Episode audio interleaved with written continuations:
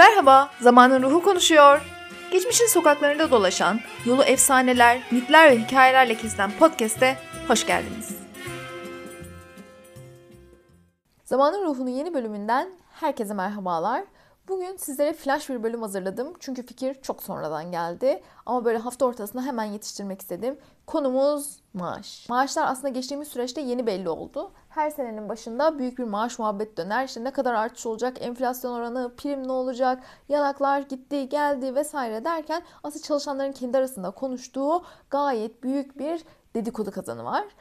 Bu konu gayet gündemde ama zannediyorsanız ki bu bugüne özel kesinlikle yanılıyorsunuz. Osmanlı İmparatorluğu'nda da bu maaş konusu bayağı önemli, bayağı tartışılan hatta çok yuvalar yıkan bir konu olarak imparatorluğun devamlı gündemindeydi. İsterseniz gelin şimdi sizinle zamanda bir seyahat yapalım ve Osmanlı'da maaşlar, primler, memnuniyetler, memnuniyetsizlikler nasıl gidiyormuş hep beraber görelim. Şimdi Osmanlı İmparatorluğu aslında tarihin en atarlı çalışanlarına işverenlik yapmış olabilir. Atarlı çalışanlardan kastım ise Yeniçeriler.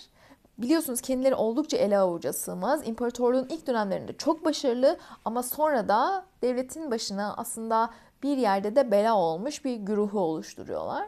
Ve bunlara yapılan ödemeler devletin bekası hatta padişahın bizzat kendi can sağlığı için çok önemli. Onlara yapılan çeşitli ödemeler var. Mesela ulufeler, işte culus bahşişleri ya da Ramazan'da onlara tatlı hediyeleri gibi çeşitli artık gelenek haline gelmiş ödemeler var. Bugün sizlerden onlardan bahsedeceğiz. İsterseniz ilk önce ulufeden bahsedelim. Ulufe aslında Yeniçerilerin maaşları anlamına geliyor.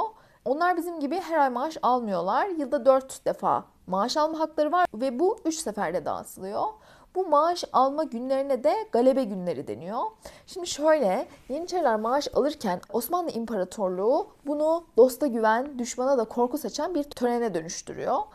Yeniçerilerin maaşları Topkapı Sarayı'nda Divan-ı Hümayun'un yani divanhanenin önünde veriliyor. Şimdi şöyle bir gün oluyor o gün. Sabah divanın üyeleriyle beraber Yeniçeri ağaları da geliyor ve aslında ortaların başları da orada oluyor. Ve hazırlanmış bütün maaş oradaki bahçenin ortasına yığılıyor. Yani düşünün altından keselerden oluşmuş bir dağ var orada. Ve tüm yabancı elçiler de törene davet ediliyor. Neden? Görsünler yani bu altını, bu dağıtılan maaşı, bu koskocaman serveti görsünler diye. Daha şöyle etrafa böyle çok pahalı halılar, kumaşların asıldığı falan da söylenir. Önce işte sabah çorba içimiyle başlanıyor. Hatta o gün pilav ve zerde de oluyor. Şimdi o günkü şeyler çok önemli. Herkesin hal ve tavırları çok önemli aslında. Yeniçerilerin çorbayı böyle iştahla içmesinin bile bir anlamı var. Eğer isteksizlik gösterirlerse sorun var demektir. Ve bu devletin çok ciddi bir şekilde dikkate alması gereken bir şey oluyor aslında. Sonra bu maaşların dağıtımına başlanıyor. Padişah aslında Yeniçeri ordusunun bir numaralı neferidir. Önce onun maaşı ayrılıyor. Sonra da diğer ortalara tek tek bağırılarak ortaya çağrılıyor ve onlara maaş keseleri takdim ediliyor. İşte birinci orta diye bağırılıyor. Birinci orta geliyor maaşını alıyor. Ta ki işte 65. ortaya kadar. 65. orta Genç Osman'ın ölümünde parmağı olan ortadır. O yüzden kapatılmıştır. 65. orta çağrıldığında Çağıran kişi bağırıyor 65. orta diye. Ses çıkmıyor. Bir daha bağırıyor. Ses çıkmıyor. Üçüncü bağırışında bütün yeniçeriler yok diyorlar. Çağıran kişi de yok olsun diyerek bir kere daha lanetleyerek aslında o genç Osman'ın ölümünü orada anmış oluyorlar. İşte bu ulufe günlerinde bu şekilde maaşlar dağıtılıyor. O günün sonunda da Yeniçeriler padişaha akide şekeri ikram ediyorlar. Eğer padişah bu şekeri gayet böyle keyifli bir şekilde yerse her şey iyi gidiyor demektir. Ama padişah da işte yüzünü gözünü ekşitirse ya da şekeri yemekte bir isteksizlik gösterirse yine sorun var demektir. Yani aslında şey gibiler böyle birbirine küsmüş ama böyle toplum içinde bir arada durmak zorunda olan eşler gibiler. İşte o göz süzüyor, o gözünü kaçırıyor vesaire vesaire gibi böyle jest ve mimiklerden birbirlerinin durumunu anlamaya çalışıyorlar. Konuşsalar daha iyi olacak diyeceğim ama gerçi konuşunca da iyi olmadığını biliyoruz ayak divanlarından. İşte böyle şekerli, çorbalı ve altınlardan oluşan dağlı bir maaş dağıtım töreni var Yeniçerilerde. Yeniçerilerin bu arada maaşlarından biraz bahsedeyim. Ee, aslında tarih boyunca onların maaşları da tabii e, bizimkiler gibi artmış yani. Önce iki akçe ile başladığını biliyoruz günlük yevmiyeleri. Sonra bu terakki ediyor yani artıyor. Artık en son dönemlerde sanırım 17 akçeye kadar ulaşıyor. Yani demek ki işte tabii burada yüzyıllardan bahsediyoruz. Artık enflasyon oranında mı bir maaş zammı yapıldı onu bilememekle beraber aslında her padişah tahta çıktığında maaşlarında biraz arttığını biliyoruz. Şimdi padişahların tahta çıkması çok önemli bir olay Osmanlı İmparatorluğu'nda. Aslında her şeyden önemli.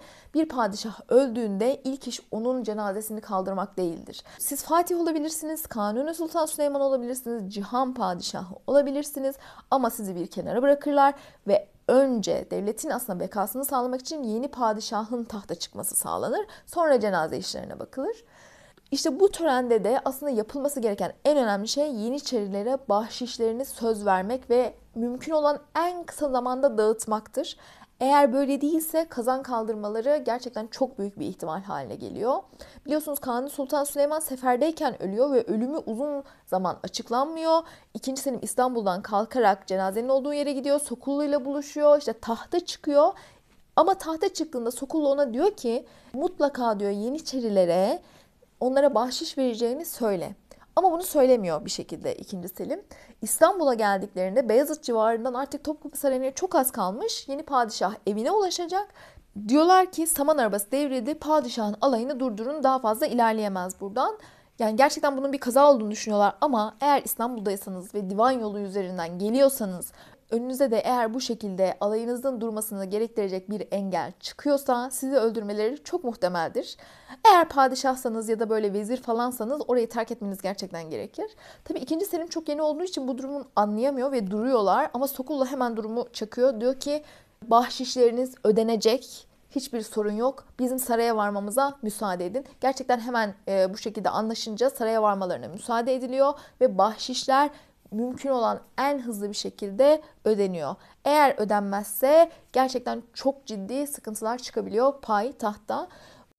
Ama şunu söylemek lazım bu bahşiş gerçekten az bir meblağ değil. Mesela 3. Murat'ın cülusunda aslında 700 bin altının Yeniçerilere verildiği düşünüyor. Yani bu aslında muhteşem bir rakam.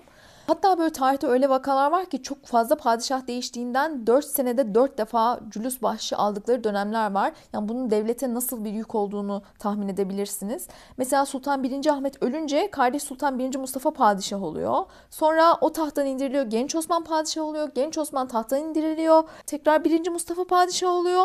Sonra 4. Murat padişah olacak. Bu sefer söz veriyorlar bu culusta bahşiş istemeyeceklerini ama 4. Murat da padişah olduktan sonra sözlerinde durmayarak tekrar bahşiş istiyorlar.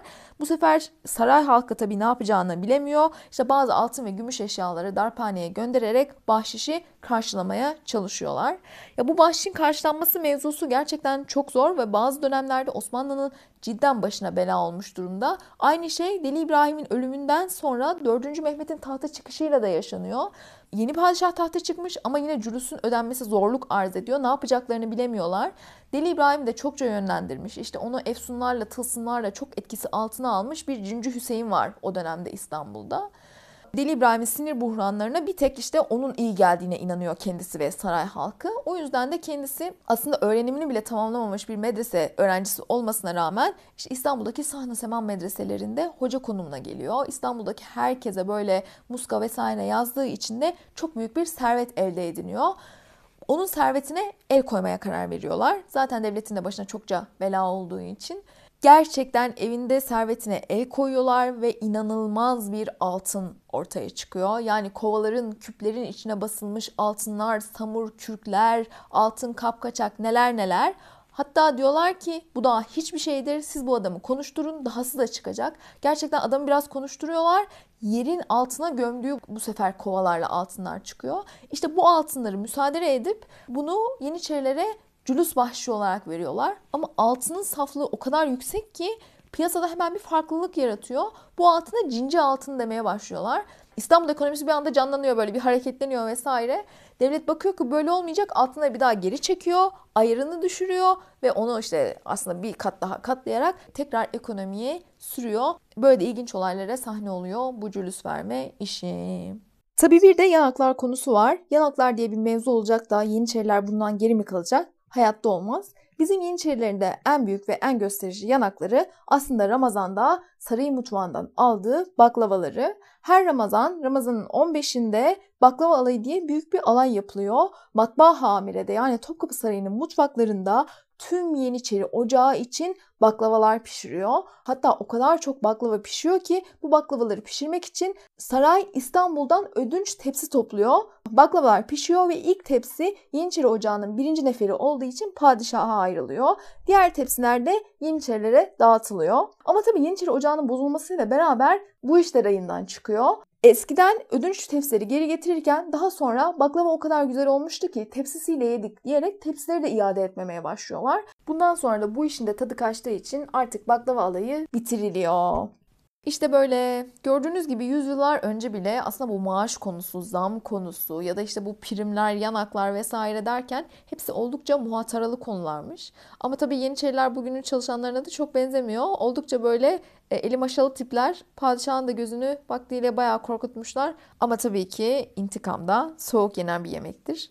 Yine de insan düşünmeden edemiyor. Acaba Yeniçeriler enflasyon oranında zam mefhumunu duysalar ne düşünürlerdi, nasıl tepki verirlerdi diyor ve bu bölümü de burada bitiriyorum. Yeni bir bölümde görüşmek üzere. Kendinize çok iyi bakın.